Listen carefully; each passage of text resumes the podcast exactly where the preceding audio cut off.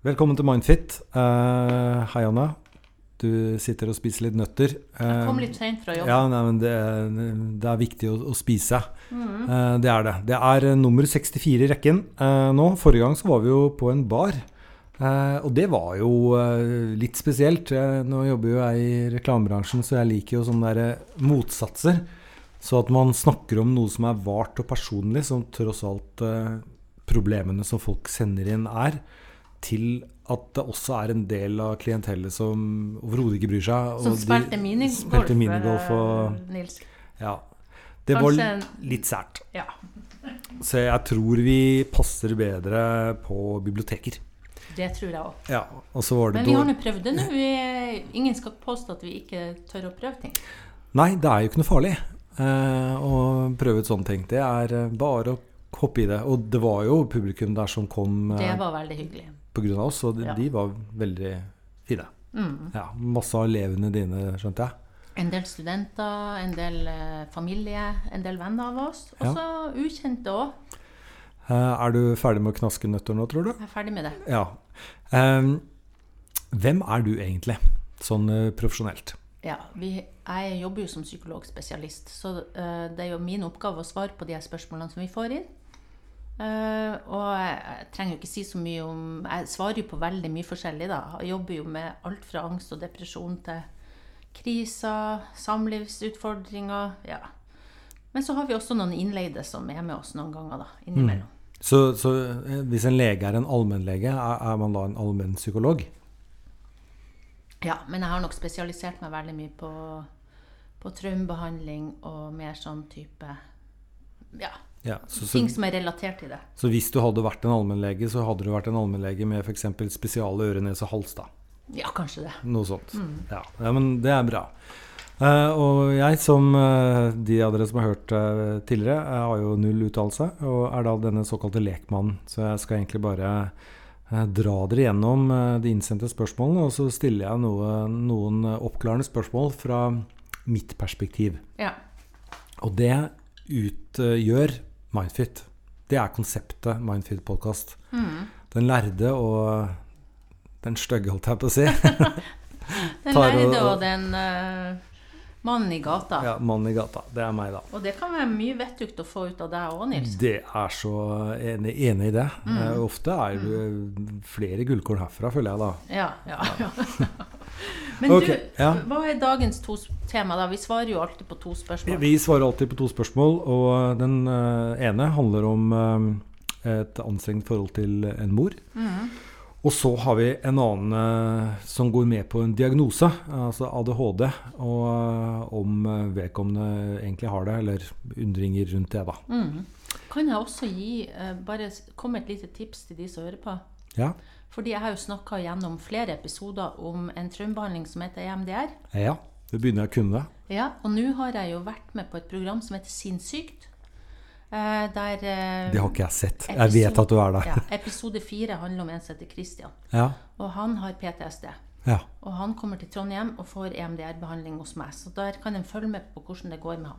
Ja, Og det er på NRK, eller? NRK. Det ja. ligger på appen, og jeg tror også det sendes eh, Det skal jo sendes på flere av kanalene der, da. Ja, men da ligger det jo selvfølgelig på nett-TV. Mm, det gjør det. Ja, men det, det er greit, fordi at eh, NRK er jo det som eh, vi alle finansierer, og det er ordentlig journalistikk. Ja. Og da går det fint an å reklamere for det òg. Ja, det er bra.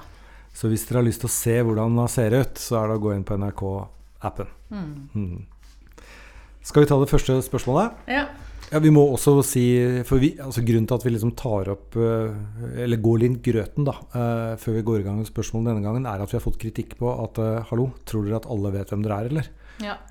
Og det gjør vi selvfølgelig ikke, så derfor er det viktig å presentere oss. Presentere Men vi trenger kanskje ikke ha en like lang presentasjon hver gang. Nei. Ja. Det morsomme er hvis den endrer seg ja. over tid. Ja. Så da leser jeg det første ja spørsmålet. Mm. Hei, jeg er en kvinne på 33 år med samboer og en datter på 6 måneder. Jeg opplever å ha et noe anstrengt forhold til min mor. Dette har blitt tydeligere for meg etter jeg selv ble mor. Min mor har alltid stilt opp og gitt meg det jeg trenger, men følelsesmessig har det alltid vært anstrengt. Min mor har en intens måte å være på, og gjentar alle utsagn og spørsmål flere ganger for å få bekreftet og validert sine følelser. Som barn og ungdom var jeg ofte redd for å si noe galt da hun kjeftet på meg hvis jeg hadde en annen mening. Jeg opplevde meg ikke lyttet til, bare snakket til. Dette, og sikkert medfødte personlighetstrekk, har gjort meg svært konfliktsky. Jeg kunne føle meg ydmyket hvis hun kjeftet på meg med andre folk til stede. Heldigvis har jeg en samboer som lytter og gir plass til å diskutere. Jeg merker jeg ikke makter å si fra. Det resulterer i at jeg ikke alltid responderer så hensiktsmessig overfor henne. Hun opplever at jeg er irritabel overfor henne, noe hun jo har rett i. Samtidig klarer jeg ikke å fortelle alt som plager meg, da jeg er redd for hennes reaksjon. Hun reagerer ofte med 'her stiller jeg opp og gjør alt i beste mening, og da bør du ikke svare meg sånn'. Ofte sier jeg unnskyld og går videre, men hun gjentar da sine poeng om igjen og om igjen for å forsikre seg om at hun har rett. Jeg jatter med og sier ja hva. Jeg føler derfor jeg sitter litt fast og har behov for råd og hjelp til å reagere mer hensiktsmessig. Henne får jeg ikke snudd, men mine egne handlinger og måte å omgås henne på vil jeg jobbe med. Ja, jeg syns dette er et fint spørsmål, fordi jeg jobber eh, med mange som tar eh, inn i behandlingene dette med hvordan de skal forholde seg til sine nærmeste. Og jeg syns jeg kjenner igjen det her litt typiske her, da. Mm. Hun, hun, har jo en mor som ubevisst eller bevisst spiller på en sånn dårlig samvittighet òg. Og hun kjenner på det òg fordi denne mora har gitt henne mye Alt hun trenger, egentlig, men ikke følelsesmessig. ikke sant? Hun har ikke blitt møtt på sine meninger hvis de går imot mor sine meninger. Så får du den veldig ambivalensen som mange strever med. ikke sant? På den ene sida jeg burde være snill mot denne mora mi, hun har jo gitt meg så mye. Hun har jo stilt opp for meg. På den andre sida så blir en jo irritert, fordi en blir jo heller ikke respektert. Uh, og så tenker jeg, hun sier sjøl uh, hun, hun, har veldig rett i at hun ikke nødvendigvis får snudd mora si. Og, og da, dette å liksom bare velge å, å jatte med og unngå, unngå svar, uh, det kjenner jeg igjen. det gjør jo ikke saken bedre, dessverre. Så, så, for mange av de som går til meg, så, så, er det jo sånn at de lurer liksom på hva skal jeg gjøre, skal jeg gjøre noe annerledes? Så tenker jeg ja, altså Skal hun drive og si unnskyld til den mora hele tida? Når hun ikke har gjort noe galt? Eh, hun tror at det hjelper. Eh, hun burde kanskje prøve å utfordre seg litt på hva skjer hvis hun ikke sier unnskyld? Altså, Kanskje er det ikke noe ille det, det, pleier jeg å si til folk. Det er jo ikke sikkert det blir noe verre av at du er der sjøl. Eh, hvis du skjønner. Kanskje mora uansett har det her mønsteret at hun ja, er så utrygg og leter etter eh, tegn på at den andre ikke er enig med oss. Sånn du vil alltids finne noe tegn på det uansett. Mm. Men eh, det å være en datter som går på akkord også med altså si unnskyld for ting som du egentlig ikke mener, det gjør jo at du igjen i neste runde kanskje er irritabel, hvis du skjønner. Så du får sånn ond sirkel. Dårlig samvittighet, irritabel, frem og tilbake hele tida. Mm. Uh, jeg tenker to ting. Ja. Jeg tenker uh, Det ene pick your fights. Og så tenker jeg på at uh, hun forteller at moren ikke var følelsesmessig til stede. Pick your fights er egentlig det at Ok, er det så farlig å jatte med, da? Egentlig? Altså, da er det liksom bare for å Ok, vi skal gjennom dette ritualet. Jeg jatter med deg, så blir du ferdig, og så kan vi gå videre. Og det funker bra. Jeg kan tenke på andre ting. Det funker ting. jo ikke så bra. Det er vel det som er inntrykket mitt. At, at, så, har, så, funker ikke ja, det så bra. Men ja. altså, det er mange som gjør det. Ja, vet du, det har du rett i. Og kanskje er det en, en kjønnsgreie her òg. Jeg tror jo en del menn, kanskje du Nils, hadde klart i større grad å jatte med, tror du ikke det? jo, det tror jeg faktisk. Ja. Jeg hadde, men ja, jeg vet ikke helt. Men til det følelsesmessige, da. Ja. For hun skriver jo at det går ikke an å endre mora. Det tror jeg ikke noe på. Så at hun ikke har gitt dattera si de basale følelsene fra starten av livet, som jeg da leser inn i dette, det får hun aldri gjort noe med. Fordi at den tiden, det er fortid. Mm. Så jeg ville ha stått opp for meg selv, eller vurdert å gjøre det, på, basert på fakta og ikke på følelser. Mm. Eh, Altså at hvis eh, mora driver og liksom repeterer og prøver å få fram sin eh, mening, bare si stopp. Jeg er 33 år gammel, jeg er en voksen person. Jeg er uenig i det du sier. Og så rett og slett startet en debatt basert på fakta.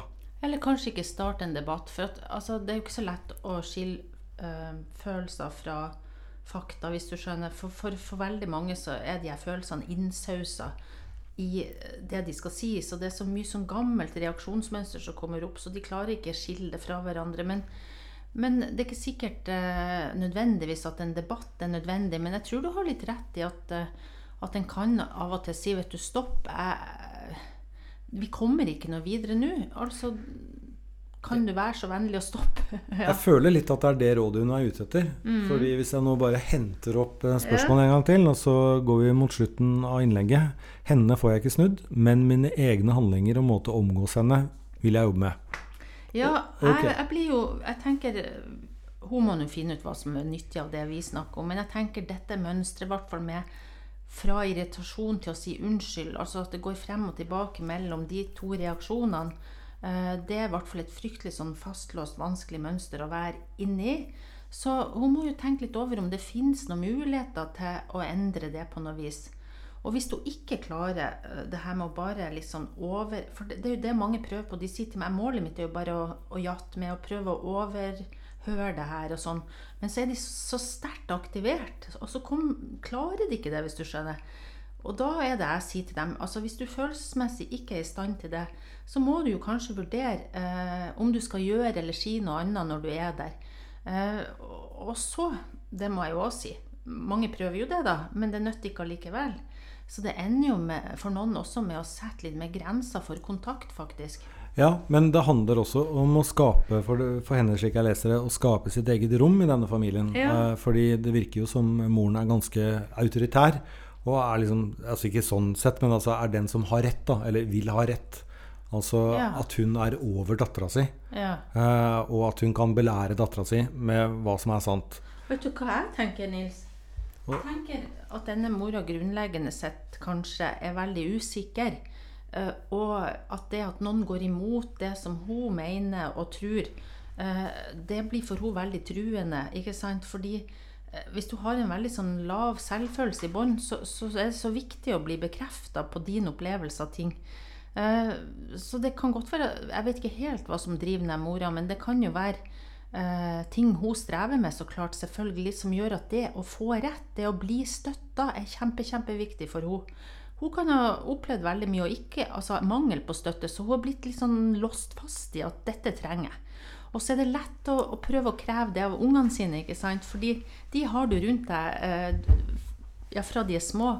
Uh, og, og, der spiller du det ut. Men det er jo ikke sikkert denne mora i samme grad spiller det ut på andre folk. Så, så hun altså, Det er jo ikke sånn at folk ikke er forandringsbare, men da måtte hun jo gått i seg sjøl og så prøvd å tenke over. Um, denne reaksjonsmåten, og mm. om hun kanskje egentlig ellers uh, kan bli for passiv og ikke tørre å si hva hun mener. Sånn at det å ha rett blir kjempeviktig uh, i andre settinger der du egentlig har uh, hva, hva, jeg vil kalle Du har litt sånn feigt parti. Du har et feigt parti når du er mor og har ei datter, ikke sant? Der kan du få rett. Ja. Men uh, ja, her, vi leser litt forskjellig, og det er uh, alltid interessant, det. Mm. Uh, fordi det som også innsenderen skriver, er jo at hun har jo vært redd for hva mora skal si. Ja, ikke sant? Mora vil, det er vi enig i. Altså, hun har fått mye kjeft. og og, og, det betyr også at uh, det sitatet hun har fra mora si her, at hun, mora reagerer ofte med 'her stiller jeg opp og gjør alt i beste mening', og da bør du ikke svare meg sånn. Mm. Det er jo en sånn uh, irettesettende, autoritær måte på å men der du spiller på følelser. Ja, altså du, ja. jeg er mora di. Ja. Jeg fortjener bedre. så det du mener betyr ikke så mye. Det er mine følelser som mor som faktisk trumfer ja. det du mener. Det, Men nå er jo denne datteren 33 år. Hun ja. er voksen. Ja. Og hun vil ha råd på hvordan hun kan uh, På sine egne handlinger, og hvordan hun kan omgås mora på. Ja, men så det er vel det, Vi er jo ikke egentlig kanskje et sånn Grunnleggende sett så kan du gi mange råd, men jeg tenker for meg er det viktig at hun også anerkjenne hva hun faktisk føler i de her situasjonene, og at hun må begynne litt der. Eh, jeg føler sånn og sånn. Jeg har lov til å føle sånn og sånn. Og så mm. er det noe med å liksom sette opp egentlig litt sånn uh, fordel-ulempe-analyse, nesten. ikke sant?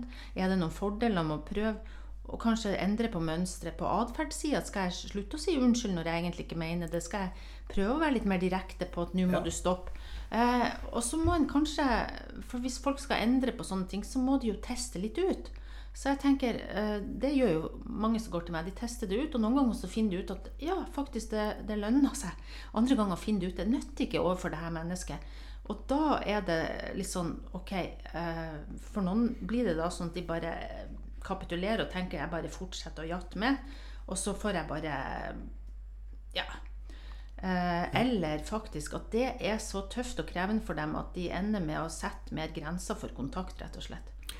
Og da høres det ut som vi muligens er enig i følgende råd. Neste gang mora sier 'her stiller jeg opp og gjør alt i beste mening', og da bør du ikke svare meg sånn. Jo, jeg bør det. For jeg føler det.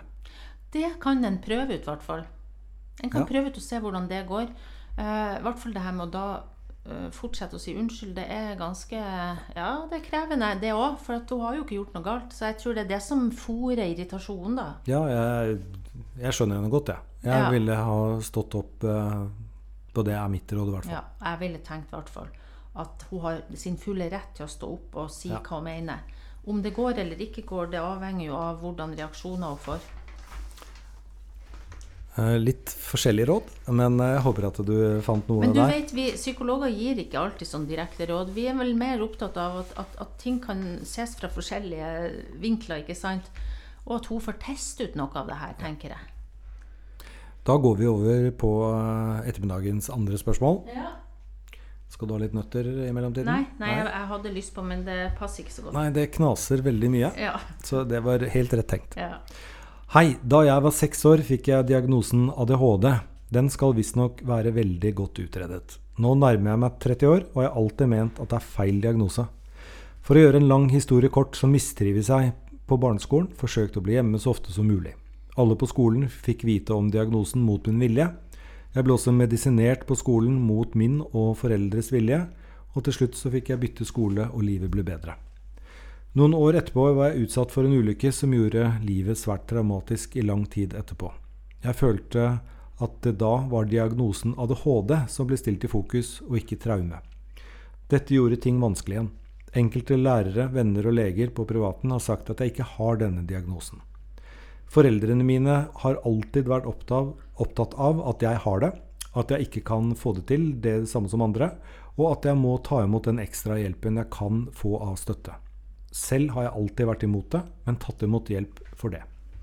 Nå er jeg voksen, har lang utdanning med svært gode resultater, uten noen form for medisiner eller annet.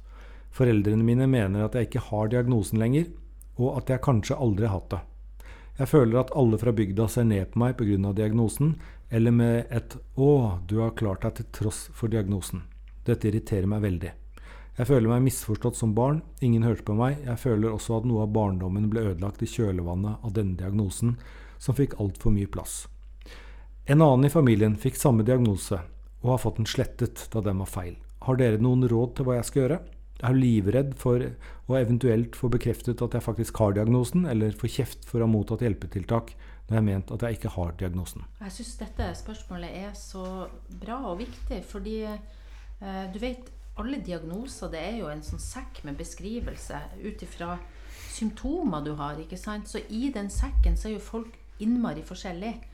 Og et barn som blir diagnostisert med ADHD, det er ikke alltid uproblematisk. Eh, Nå har jo hjelpeapparatet blitt eh, kritisert nettopp for det, at de kanskje overser andre årsaker til uro.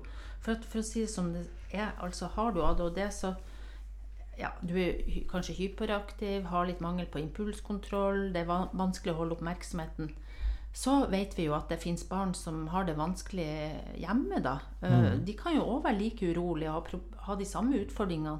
Så hvem er, altså, hvem er hva, og hva er årsaken til denne atferden?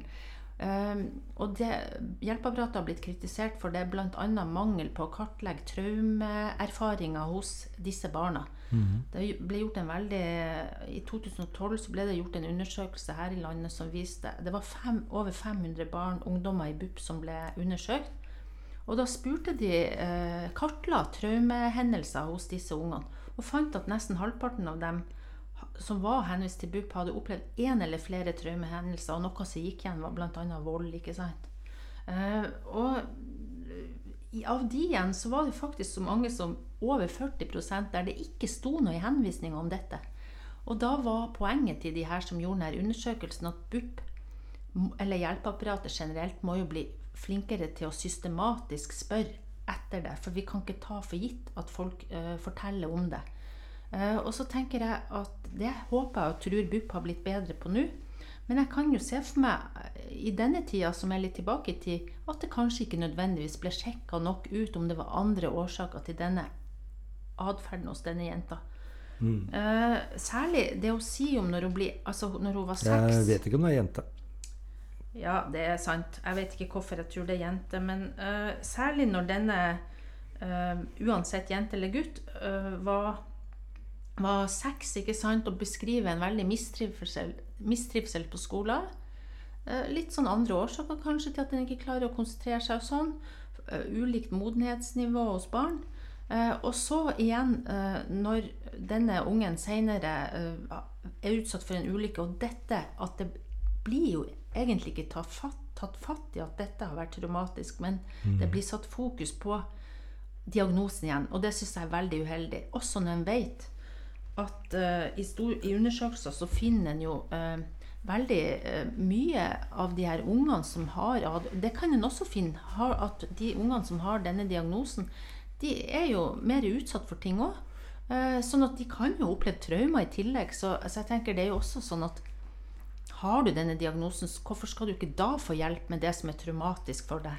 Du er kanskje feil person å spørre, men man kan jo ikke vokse av seg en ADHD. Eh, det er jo litt sånn rart det her med oppfølging av altså For hvor blir det av de her barna når de blir voksne? ikke sant? Og du kan jo også si at jo, du kan jo lære deg teknikker som gjør at du i større grad klarer å konsentrere deg, du kan bli mer moden, du kan, du kan få interesseområder som gjør at, eh, at du klarer å holde bedre fokus. På et vis så kan du jo lære deg å mestre det her. Men, men, men helt seriøst, går det an å vokse seg ut av Altså, ADHD? Hvis du tenker sånn som jeg tenker da, at dette er en sekk med symptomer, og at det er litt komplisert uh, noen ganger, hva er årsaken til de, de, disse symptomene? Eh, så kan en jo også tenke at hvis omgivelsene blir bedre, og det, du lærer deg bedre å håndtere din væremåte, så på et vis så mestrer du det i hvert fall bedre. Ja, ja, og da vil jeg tenke at, at det er grader av det her òg, som alt annet. Og at noen ganger så viser det seg kanskje også i ettertid eh, Kanskje dette barnet hadde andre årsaker til all den uroen. Og da Ja, kanskje du voksen av deg, da. For det, det stemmer ikke lenger at, at du er så urolig. Fordi det er ikke de her ytre årsakene lenger som medfører den uroen. Men- og da kan du si Da kan det jo bli en feildiagnostisering noen ganger òg. Ja. At du har fått diagnosen som barn når det egentlig var andre årsaker. Så, men dette er komplisert, Nils, fordi eh, ADHD er om Altså det er jo masse diskusjoner rundt det, og det er jo absolutt barn som har den lidelsen òg. Og der en også kanskje ikke ser at det er så mye At det ikke er andre forklaringsmodeller. Eh, men så har du igjen inni denne sekken det motsatte litt. Men um, sånn som jeg leser dette, så er, um, er, det, ikke selve diagnosen som, som opprører innsenderen. Og bare for å poengtere det, vi ser ikke hvem som har skrevet inn. Så, Nei, nei. Så, Ja. så, så grunnen til at du sa var en, en jente, var bare en uh, wild guess. Vi, vi aner ikke. Nei, av og til så Jeg pleier jo av og til å, å, å, bare gjette et kjønn uten at jeg vet det. Det har jeg gjort det mange ganger. Nils. Men det er altså ikke selve diagnosen, men det er egentlig det som skjedde eh, i omverdenen rundt diagnosen. Ganske fornedrende Ja. ting. At Ja. liksom, alle fikk vite at hei, denne barnet har ADHD, og det er en eh, diagnose, og, hun eller han skal bli medisinert. Eh, og at man da på en måte fikk et brennmerke i panna. Eh, Ja, hun er eller han viktig. litt rare. Så, Og det er òg veldig viktig Ja. at det blir en sånn eh, type stigma. Ja, og det blir det. Liksom, hva kan man eh, det- det- Den skjønner jeg. Og så ble den ytterligere forsterka når ulykken kom. Mm. Og da var de ikke interessert i traume. Det var diagnosen ADHD som Mm. plutselig var der igjen. Og så har hun, eller han, tenkt at har jeg nå egentlig dette? Mm. Og her er det rett og slett venner og leger og sånn som sier at eh, jeg tror faktisk ikke at du har det. Ja. Ja, men, men så god lang utdannelse, gode resultater, aldri tatt noe medisin. Og så er det fortsatt slik at eh, når hun eller han kommer tilbake til bygda, så blir hun igjen eh, eller han, får får dette brennmerket i panna igjen. Det er vedkommende med diagnosen. Mm. Og så er spørsmålet skal jeg prøve å få den vekk. Ja. Og der er mitt råd som lekmann ja. nei. Ikke gjør det. For selv om du får bort den diagnosen, så gjør ikke det noe med det bygdedyret som kommer til å sette det Ja, i men, det, panna men der er vi vel kanskje litt uenige. For at, eh, jeg har jo erfar Jeg tenker ut ifra dette jeg leste, faktisk så kan det være at dette er en feildiagnostisering.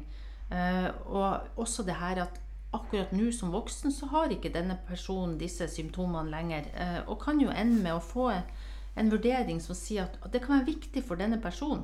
Sånn at det handler ikke så mye om bygdedyret som det kanskje handler om for sin egen del, å få noe svar. Jeg skjønner at denne personen er livredd for det, men på en, sånn, eh, et, en DPS så gjør de jo utredninger. Og der ville de jo kunne funnet ut altså De kan jo ikke si at du ikke hadde det da, men de kan jo si noe om hvordan du har det nå. Sånn at jeg ville tenkt at både en distriktspsykiatrisk senter eller en privatpraktiserende psykolog eller psykiater vil kanskje kunne hjelpe deg å gjøre en vurdering hvis du sjøl syns det er viktig. Og for noen så er det viktig. Ok, det, jeg hører den. Men eh, vedkommende skriver jo også det at eh, det virker som vedkommende ikke vil ha æren for de gode resultatene vedkommende har fått, som hun eller han eh, mener er en motsetning til diagnosen. Altså at hvis det var påvist ADHD, så var å klare kjempefine resultater Det kan gå an. ja, nettopp. Men at, er det da en høyere bragd, mer en bragd, enn om en person uten ADHD hadde gjort det samme løpet? Jeg vil tenke det at, eh, at all honnør til de som strever med oppmerksomheten sin og har denne uroen i kroppen. Jeg har møtt masse flinke folk som har det, som klarer å finne måter å regulere seg på etter hvert. Det handler også om modenhet. og det som jeg sa, det å finne noe en brenner for, er veldig viktig for mange som har disse oppmerksomhetsproblemene. Eh, og mange av de er utrolig kreative, altså har jo masse assosiasjoner.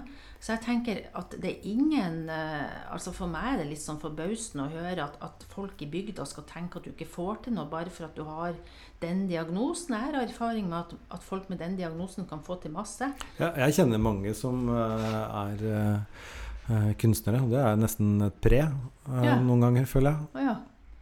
Helt enig i at, uh, at kanskje For at det er noe med å sette Skal vi sette en diagnose på det?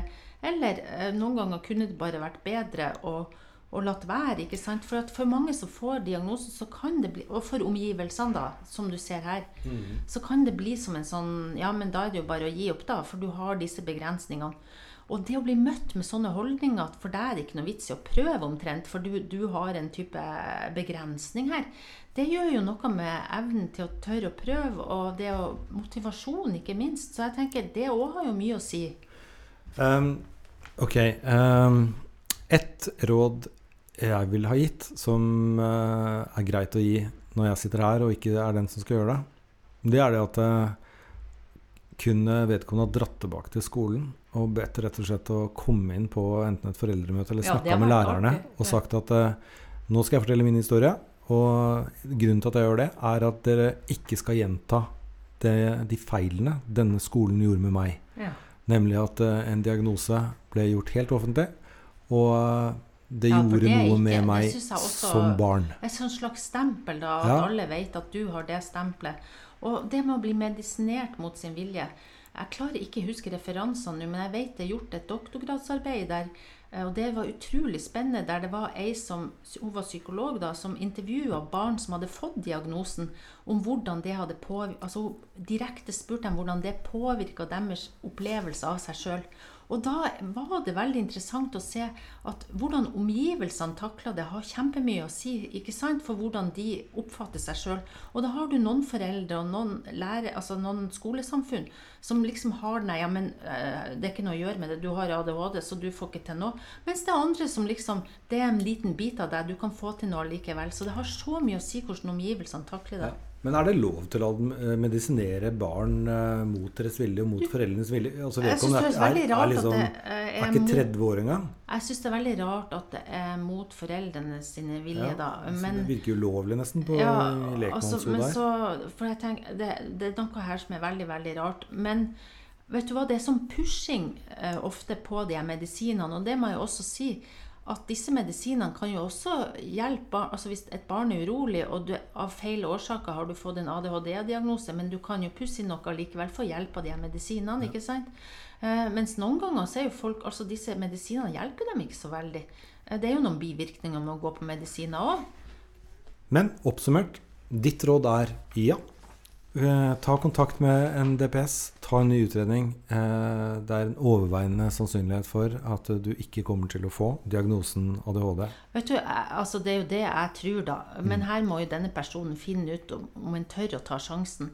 Og så tenker jeg også, det, det går an å søke seg den altså Hvis du har eh, ressurser til det, så kan du jo søke deg hjelp hos noen som er helt privatpraktiserende. Eh, Det er jo et økonomisk spørsmål mange ganger òg. Da kan Eh. du til og med kjøpe den diagnosen du vil, eller? Nei, men da er du ikke sånn, da er du ikke inne i et offentlig system, ikke sant? Og da kan du kanskje komme til noen som eh, du har fått gode referanser på. Det som er litt vanskelig på en DPS, er at den vet jo aldri hvem en får hjelp av der. Nei. Eh, sånn at du kan være heldig, men noen ganger så kan du også komme til noen der du ikke får den hjelpen du kanskje ønsker deg, ikke sant? Eh, Du vil kanskje til en psykolog, og du kommer til noen med en annen utdanning, og, og det er forskjellig, eh, rett og slett. Men basert på det hun skriver, eller han, så mener du at det er overveiende sannsynlig at vedkommende ville fått eh, ikke diagnosen Jeg skal ikke være så bastant, for at dette er jo basert på noen linjer i et brev. Så det skal jeg ikke være. Så denne personen må jo ta sjansen. Men jeg leser veldig mye ressurser i denne personen. Så om denne personen har en diagnose eller ikke, jeg tenker denne personen skal være veldig stolt av det den han eller hun har fått til uansett. Ja. Men hvis han eller hun er veldig veldig opptatt av det her og finner et svar, så selvfølgelig prøv å søke deg en utredning. Men uansett hva du finner i den utredninga, så skal du være fornøyd med den du har blitt. Og da håper jeg at det, det var et svar på det. Og så vil jeg nesten oppfordre folk som skriver, og så skriver kjønn, ja. Så slipper du å si han eller hun og vedkommende og sånne ting. Jeg gjetter jo, vet du. Jeg lager Ja. kjønn på dem, så ja. Men eh, det blir, det blir så langt. ja, det er Så det. Du skal si det kjønnsnøytralt. Ja, ja. Ehm, Det var det vi rakk eh, denne gangen. Ja. Da er det jo ca. 14 dager til vi høres neste gang. Og det blir også fra dette loftet som eh, ser ut som eh, det har vært fest her, Ja. med masse barn. ja. Legoklosser, masse Det ser helt uh, rotete ut, så vi skal prøve å rydde neste gang. ja. Men da får du ha det fint, da. Ha det. Ha det.